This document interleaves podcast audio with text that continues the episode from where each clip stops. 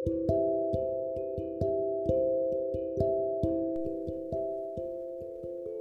Kejadian bab 20 Abraham dan Abimelek Lalu Abraham berangkat dari situ ke tanah Negev dan ia menetap di antara Kades dan Shur.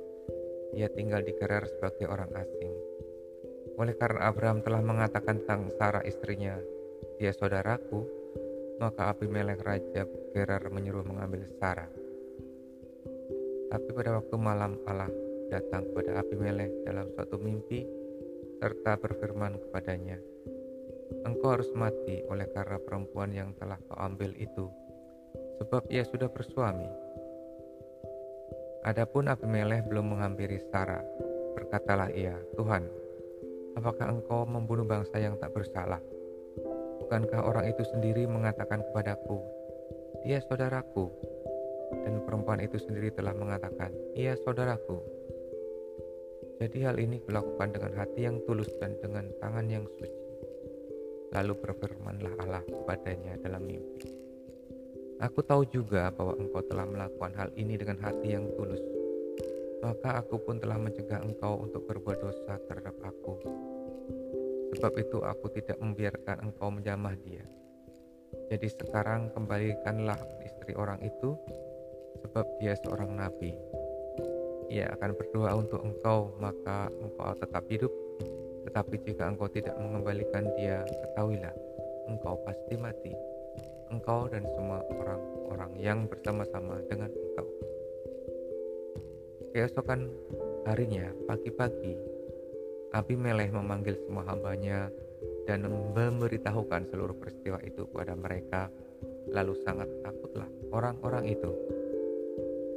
Kemudian Abimelech memanggil Abraham dan berkata kepadanya, Perbuatan apakah yang kau lakukan ini terhadap kami? Dan kesalahan apakah yang kulakukan terhadap engkau sehingga engkau mendatangkan dosa besar atas diriku dan kerajaanku? Engkau telah ber berbuat hal-hal yang tidak patut kepadaku. Lagi kata Abimelek kepada Abraham, Apakah maksudmu maka engkau melakukan hal ini?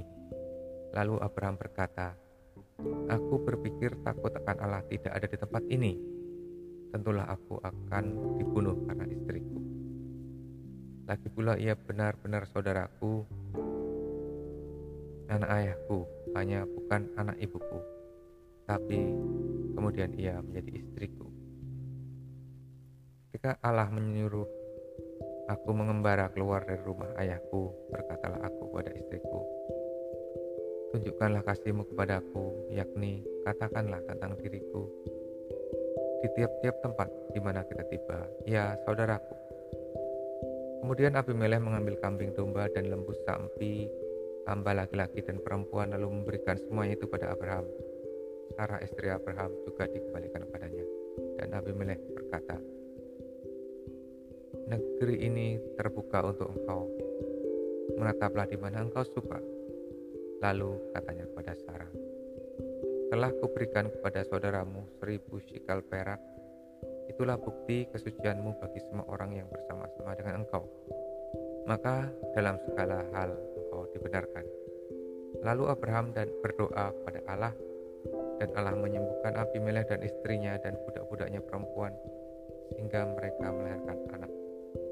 Sebab tadinya Tuhan telah menutup kandungan setiap perempuan di istana Abimelek karena Sarah, istri Abraham itu.